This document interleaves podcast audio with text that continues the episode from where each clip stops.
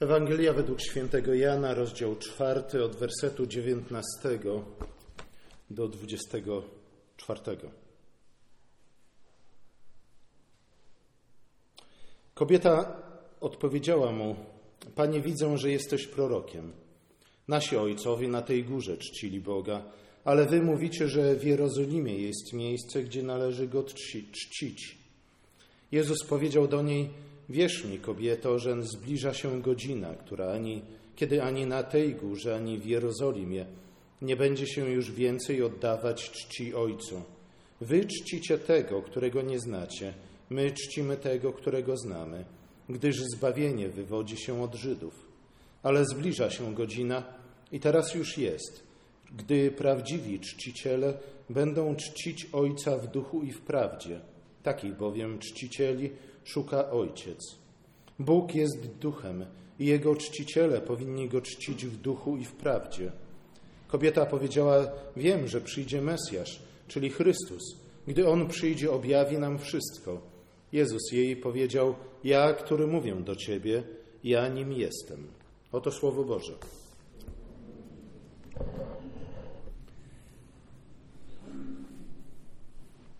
Relacje między Starym a Nowym Przymierzem to jest jedna chyba z głównych kwestii dyskutowanych w chrześcijańskiej teologii, między innymi w liturgice, czyli w teorii na temat tego, w jaki sposób mamy oddawać Boga, Bogu cześć.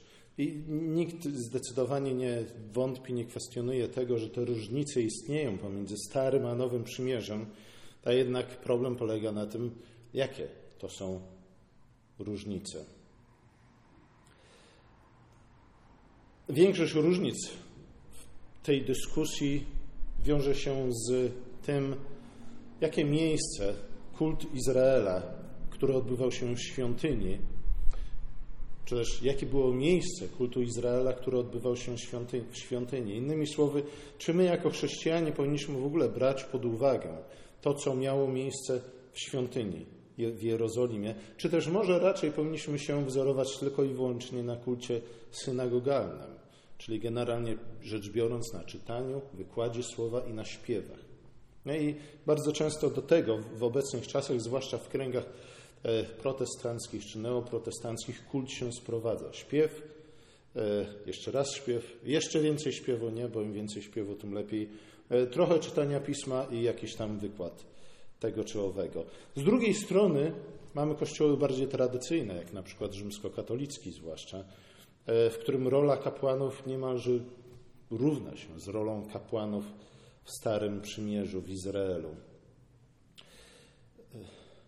E, często właśnie ten fragment, czwarty rozdział Ewangelii według świętego Jana jest przywoływany przez obie zresztą strony na poparcie swoich racji, e, przy czym niewątpliwie ta strona, która chce odejść bardziej od starotestamentowego kultu, ma chyba tutaj większe szanse przy użyciu tego fragmentu dla poparcia swoich praw, e, swoich e, twierdzeń ze względu na słowa, które przed chwilą czytaliśmy.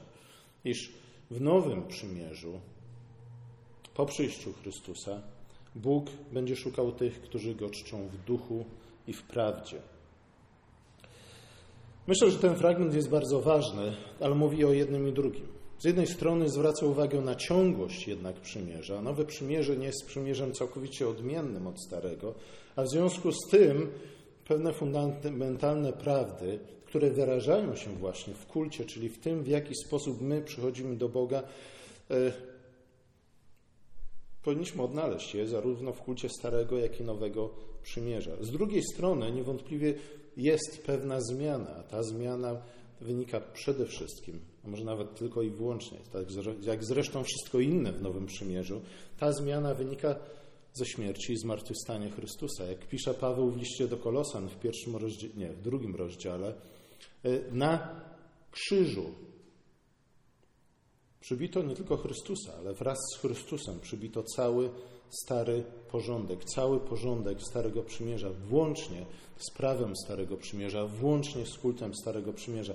A zatem, kiedy dzisiaj zadajemy sobie pytanie, w jaki sposób mamy zbliżać się do Boga, w jaki sposób mamy oddawać Bogu cześć, w jaki sposób mamy przyjmować Jego dobre dary, to musimy ten czy w inny sposób odnieść się do śmierci i zmartwychwstania Chrystusa. Ale po kolei. Przez pierwsze kilka rozdziałów Ewangelii Jana, Jan tak naprawdę pokazuje nam to, że nowe przymierze, które nastało wraz z przyjściem Chrystusa, przewyższa stare przymierze oraz jego instytucje, jego praktyki, w pewnym sensie moglibyśmy powiedzieć nawet jego duchowość. E, tematem całej Ewangelii w gruncie rzeczy są słowa, które znajdujemy w pierwszym rozdziale, 17 wersecie. Prawo zostało nadane przez Mojżesza. Czy prawo było czymś złym? Bynajmniej. Paweł wiele pisze na ten temat w liście do Rzymian. A jednak łaska i prawda przyszły przez Jezusa Chrystusa. A zatem Chrystus przynosi nam więcej, przynosi nam coś nowego, nie negując z drugiej strony tego, co przyszło wcześniej. To, to, to samo widzimy czasie wesela w Kanie Galilejskiej. To jest drugi rozdział Ewangelii, kiedy Jezus bierze wodę, która jest zgromadzona w stągwiach. Jest to woda służąca do oczyszczeń różnego rodzaju, oczyszczeń religijnych, jakie funkcjonowały w Izraelu pod Starym Przymierzem, i zamienia tę wodę w wino nowego przymierza. I to jest bardzo wielce mówiący obraz, ze względu na to, iż pokazuje, że Chrystus nie odrzuca, nie rozlewa tej wody, mógłby stworzyć wino z niczego, w końcu stworzył cały świat z niczego, jednak bierze właśnie te wody oczyszczenia Starego Przymierza i przemienia je w wino Nowego Przymierza. Później w tym samym rozdziale Jezus stwierdza, że Jego ciało jest nową świątynią. To bezpośrednio się odnosi do dzisiejszego fragmentu, w którym Samarytanka zadaje Jezusowi pytanie, gdzie powinna stać świątynia, gdzie powinno być centrum kultu Boga. W trzecim rozdziale Jezus spotyka się z nauczycielem w Izraelu, niejakim Nikodemem, i rozmawia z nim. Mówi o nim na temat narodzin z góry, z wody i z ducha. Nikodem niestety zdaje się w ogóle nie rozumieć tych prostych nauk Pisma Świętego. Prostych nauk, o których mówił już dawno temu sam Mojżesz. I tak czwarty rozdział jest kontynuacją tego, tej rozmowy. Zresztą w ogóle pierwsze kilka rozdziałów, cała w zasadzie nawet Ewangelia Jana, jest tak naprawdę e, przechadzką przez świątynię. Zwróćcie uwagę na to, że tematy, które Jan podejmuje w swojej Ewangelii, a może Jezus, który podejmuje tematy spisane w Ewangelii Jana, prowadzą nas w ten sposób, tak jakbyśmy przechodzili zgodnie z porządkiem liturgicznym poprzez świątynię. Czy to przy, poprzez przybytek mojżeszowy, czy później przez świątynię y, zbudowaną przez Salomona. W czwartym rozdziale Jan kontynuuje ten temat, e, przy czym tym razem udaje się na margines życia Izraela. Idzie do Samarytan, którzy byli pogardzani, pogardzani przez Żydów i zresztą vice versa. E, I mówi Samarytance, że jest większy niż patriarcha Jakub. Jakub odgrywał szczególną rolę w życiu i w duchowości Samarytan, między innymi studnia, którą Jakub wykopał. Na ten temat też Jezus rozmawia z Samarytanką w pierwszej części swojej rozmowy. To jest też ciekawe, że e, stanowi pewien kontrast z trzecim rozdziałem, w którym Jezus rozmawia z Nikodemem, tym, który był nauczycielem w Izraelu, tym, który zasiadał w Sanhedrynie, w Radzie Żydowskiej. I okazuje się, że Samarytanka rozumie dużo więcej z tego, co Jezus ma jej do powiedzenia, niż sam Nikodem. Zresztą ten kontrast pomiędzy Nikodemem a Samarytanką jest e, podkreślony przez kilka co najmniej elementów. Nikodem przychodzi w nocy, bo nie przyjął światła i pozostał w ciemności. Przyjmuje to światło, ale jednak trochę później. Z Samarytanką Jezus spotyka się w dzień. I to w samo południe, jak czytamy w szóstym wersecie. I spotyka się przy studni. To znaczy, że Samarytanka znalazła się w świetle, przyjęła to światło, zaczęła chodzić w świetle. Jak wiemy, później rzeczywiście udała się do ludzi ze swojego miasta i głosiła im o światłości, którą spotkała. Pytanie Samarytanki o miejsce kultu e, doskonale pasuje do kontekstu całej tej rozmowy. Samarytanie bowiem zbudowali swoją świątynię na górze nazywanej Gerizim. I sama nazwa gerizm powinna nam wiele powiedzieć, ze względu na to, że ona nie pojawia się tutaj po raz pierwszy. Ona pojawia się wielokrotnie, zwłaszcza właśnie w Starym Testamencie. I co prawda świątynia, która stała na górze Geryzm, została zniszczona w II wieku przed, przed Chrystusem, to jednak Samarytanie nadal właśnie tam, na górze Gerizm, sprawowali kult. I górę Gerizm uznawali za najważniejsze, za centralne miejsce kultu. Góra Gerizm e, odegrała znaczące miejsce w historii Izraela, między innymi w kulcie Izraela, ze względu na to, że to właśnie na górze Gerizim skład sprawowany, Żydzi sprawowali kult na długo zanim Dawid przeniósł Arkę Przymierza do Jerozolimy i na długo zanim Salomon zbudował świątynię w Jerozolimie. A zatem właśnie ten spór, nie? góra Gerizim, w pewnym sensie Samarytanie byli konserwatystami, byli tradycjonalistami, ze względu na to, że oni się odwoływali do o wiele starszych tradycji niż te, które praktykowali Żydzi. I to jest też dość ważne w naszej dyskusji nie? na temat tego, jak ma wyglądać nasz kult. Czy tradycja, nie? im starsza, tym lepsza, czy może jednak powinniśmy pewne inne elementy wziąć pod uwagę? Choćby to, że historia się toczy, choćby to, że świat zmierza ku dojrzałości, choćby to, że takie zwłaszcza wydarzenia jak krzyż i zmartwychwstanie Chrystusa, coś jednak zmieniło w tym świecie i w związku z tym i w związku ze zmianą, która nastąpiła w rzeczywistości, powinna też nastąpić pewna zmiana w kulcie. Ze względu na to, że symbole i ceremonie, którymi się posługujemy, zawsze powinny być odpowiednio adekwatne do etapu historii przymierza, w jakim akurat się znajdujemy. A zatem Samarytanie byli w pewnym sensie konserwatystami, mówią nie, gerizm, ze względu na to, że tam sprawowaliśmy kult jeszcze zanim Dawid przeniósł arkę do Jerozolimy. Jezus jednak przychodzi i mówi: Słuchajcie, ani Gerizim, ani Jerozolima. Ze względu na to, że gdybyście czytali Pismo Święte, to byście wiedzieli, że tego typu zmiany następowały z inspiracji i z błogosławieństwem Bożym wielokrotnie. Słuchajcie, ci, którzy buntowali się przeciwko Mojżeszowi na pustyni, także byli obrońcami starego porządku.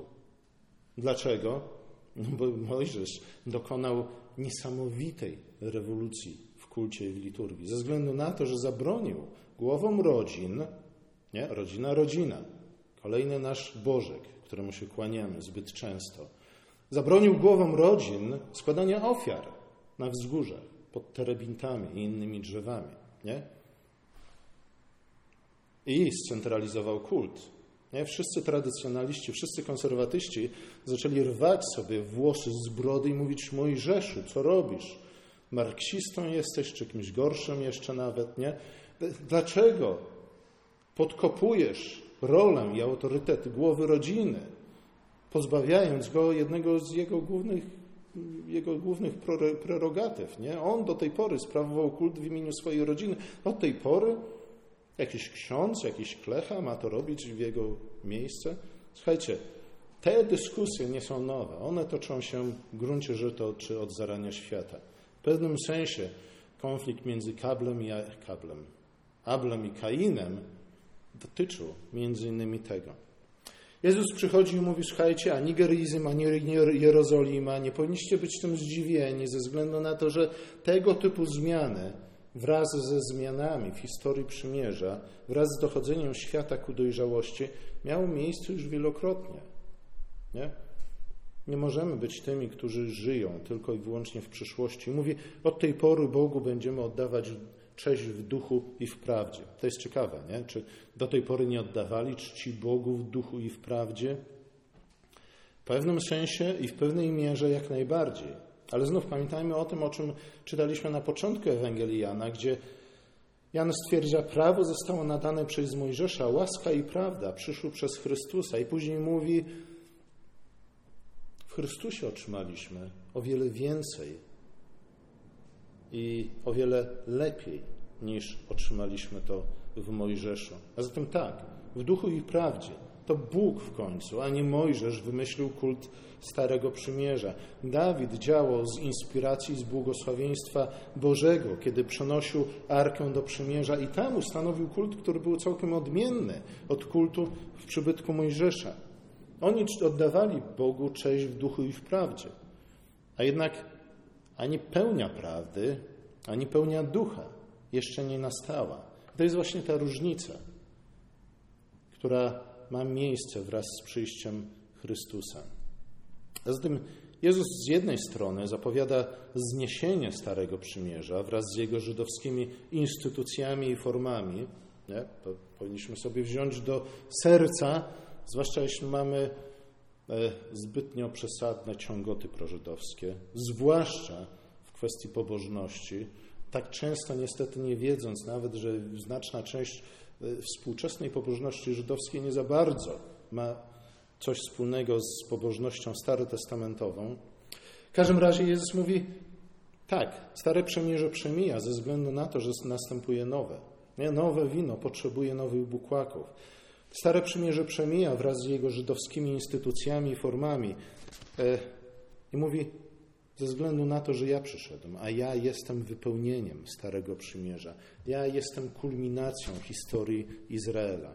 I tu właśnie przychodzi 23 werset o oddawaniu Bogu czci w duchu i w prawdzie.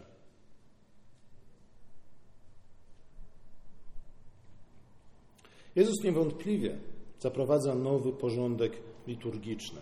Na czym polegała jednak ta różnica? Najpierw Jezus mówi, nie ma od tej pory już centralnego miejsca kultu. Nie, nie ma jednego miejsca, gdzie Bóg przebywałby w jakiś szczególny sposób w odróżnieniu od wszelkich innych miejsc. Od tej pory obowiązuje zasada, że tam, gdzie dwaj lub trzej zbiorą się w Jego imieniu, tam On jest obecny. Mówi, że Jego ciało jest świątynią. Znaczy, że my, Jego lud, nie jesteśmy Jego ciałem. Zatem wszędzie tam, gdzie gromadzi się Jego lud, po to, aby słuchać Jego słowa, po to, aby karmić się życiem zmartwychwstałego Chrystusa.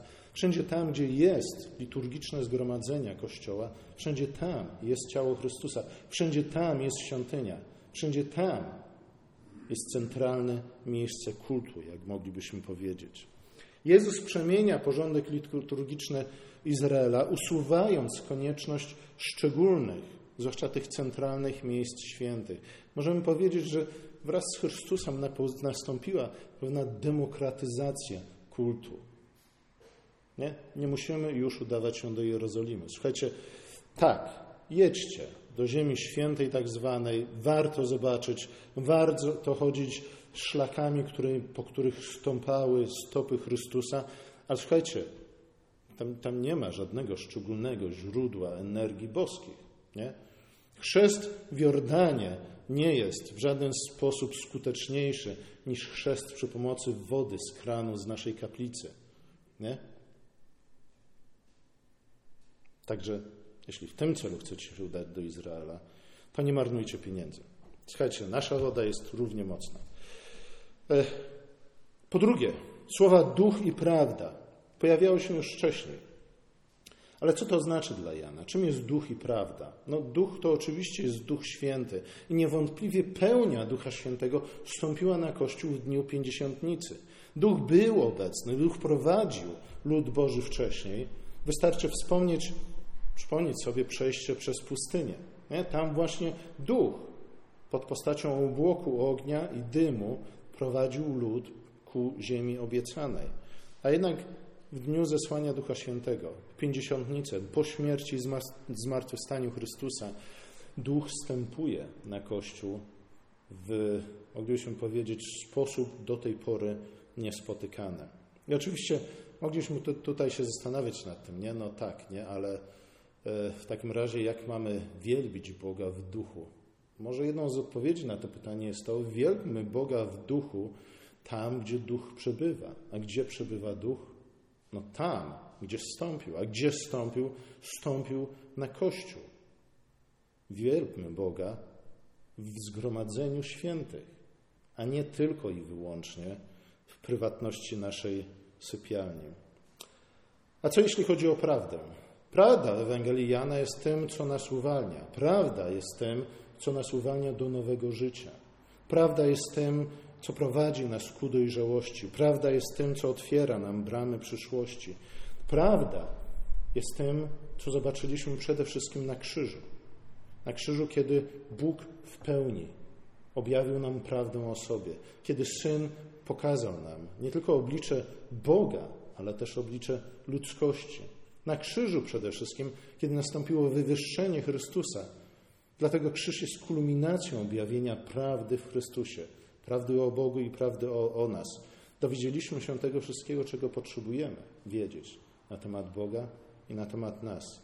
Ja bym powiedział, że oddawanie Bogu, Bogu czci w duchu i w prawdzie oznacza przede wszystkim oddawanie Bogu czci w Kościele. Kościele, który zrodził się na krzyżu ze śmierci Chrystusa. Kościele, który przynajmniej od czasu do czasu patrzy na ukrzyżowanego Chrystusa i zadaje sobie pytanie, co ja tak naprawdę widzę? Co ukrzyżowany Chrystus mówi mi na temat Boga i co ukrzyżowany Chrystus mówi na temat mnie jako człowieka, a także co zmartwychwstanie ukrzyżowanego mówi mi na temat mojej przyszłości.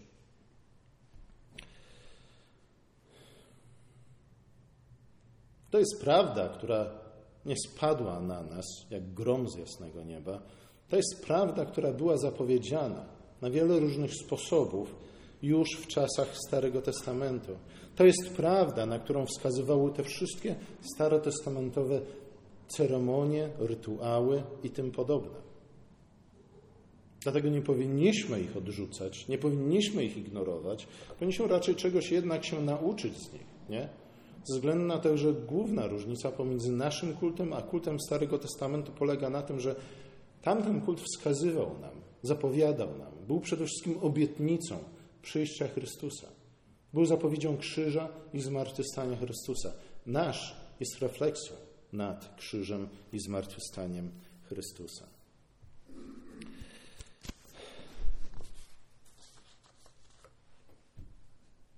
Nie powinniśmy jednak zapominać,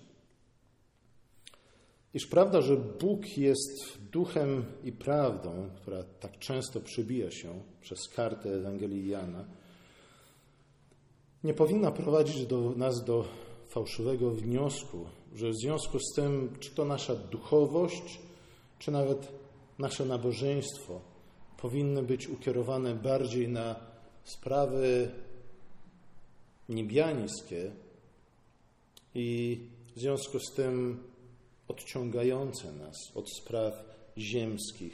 Słuchajcie, bardzo często w naszym życiu chrześcijańskim e, chcemy po prostu uciec od naszej codzienności, nie? która w ten czy w inny sposób nam doskwiera. Czy to szef pracy, czy to sąsiad za płotem albo za ścianą, czy to coś innego, czy to policjant, który w niedzielny poranek zatrzymuje nas i każe nam dmuchać. Nie? Życie nas boli na wiele różnych sposobów i bardzo często niestety chrześcijaństwo, włącznie z nabożeństwem, traktujemy jako ucieczkę od codzienności. Kto wie, czy nie jest to największy błąd, jaki popełniamy w naszym życiu. Nie? To nie jest odskocznia. To nie jest ucieczka. To nie jest tak, że na jakiś, na jakiś moment, na godzinę czy godzinę i pięć minut znajdujemy się nagle w innym świecie i jesteśmy w stanie zapomnieć, odsapnąć się, zrelaksować. Nie. Nie na tym to polega. Skąd to wiemy? Nie tylko wiemy to z kultu Starego Przymierza, który zawierał mnóstwo materialnych, fizycznych elementów, a także ceremonii. Nie? Był, był pełen obrzędów, które oznaczały wykonywanie rytualne pewnych powtarzających się czynności. Nie? Nie dla samego powtarzania, ale ze względu na to, że za, za, tym powtarzaniem krył się pewien przekaz, pewien komunikat. I w ten sposób również Bóg nam coś komunikował. Ale widzimy to również w Nowym Testamencie, w Nowym Przymierzu. Ze względu na to, że słuchajcie, no cóż jest, cóż stoi, cóż Chrystus umieścił w sercu naszej nowoprzymierzowej duchowości, życia, kultu, nabożeństwa i całej reszty. No, umieścił pewną ceremonią, pewien rytuał, w którym za chwilę będziemy brać udział, a którą jest wieczerza pańska, komunia, Eucharystia. Na czym ona polega? Słuchajcie, na jedzeniu i piciu. Na jedzeniu chleba i piciu wina. Na jedzeniu czegoś, co nie występuje w naturze. Na jedzeniu i spożywaniu czegoś, co jest owocem natury przetworzonym przez ludzką kulturę, przez ludzką pracę. Słuchajcie, To jest tylko i wyłącznie bardzo drobny, drobna część tego wszystkiego, co może moglibyśmy powiedzieć na temat naszego nabożeństwa, ale wydaje mi się, że to jest punkt wyjścia nasze, dla naszego myślenia na temat tego, w jaki sposób my mamy oddawać Bogu cześć w duchu i prawdzie. Sam Chrystus chce, abyśmy oddawali Bogu cześć w duchu i prawdzie przy pomocy owoców naszej pracy. Słuchajcie, na ten temat książki całe napisano. Na ten temat pewnie będziemy wiele, wiele jeszcze mówić po wakacjach przy okazji naszych katechez. Ale znów, jeśli ktokolwiek Was zapyta, co to znaczy czcić Boga w duchu i w prawdzie, to jeśli udzielicie na to, pytanie, na to pytanie odpowiedzi, która nie będzie uwzględniała chleba i wina, owoców ludzkiej pracy, pobłogosławionej przez Boga, to ta odpowiedź będzie nie tylko niepełna, ale będzie też w znacznej mierze prawdopodobnie i fałszywa. A zatem czcimy Boga w duchu i w prawdzie. Tego On od nas oczekuje. Ale co to oznacza? To oznacza czczenie Boga, który objawił nam się w Chrystusie, a objawił się nam przede wszystkim na krzyżu Golgoty, gdzie jeden z Trójcy umarł za nas. Po to, aby powiedzieć nam prawdę na temat Boga i na temat nas samych. Ale jest to też cześć, oddawanie czci Bogu w duchu, a duch stąpił na Kościół. To my jako Kościół, my, którzy jesteśmy ochrzczeni, my, którzy gromadzimy się w imieniu Chrystusa, My jesteśmy nową świątynią. Aby oddawać Bogu cześć, aby nasze modlitwy dotarły do Niego w sposób, nie wiem, szybszy, lepszy, skuteczniejszy, bardziej słyszalny, nie musimy się udawać ani do Rzymu, ani do Jerozolimy, ani do Moskwy, ani do żadnych innych miejsc. Słuchajcie, wystarczy, że przyjdziecie na Grunwaldzką 48 i Pan Bóg Was równie dobrze usłyszy, jak w każdym innym miejscu. Amen. Powstańmy.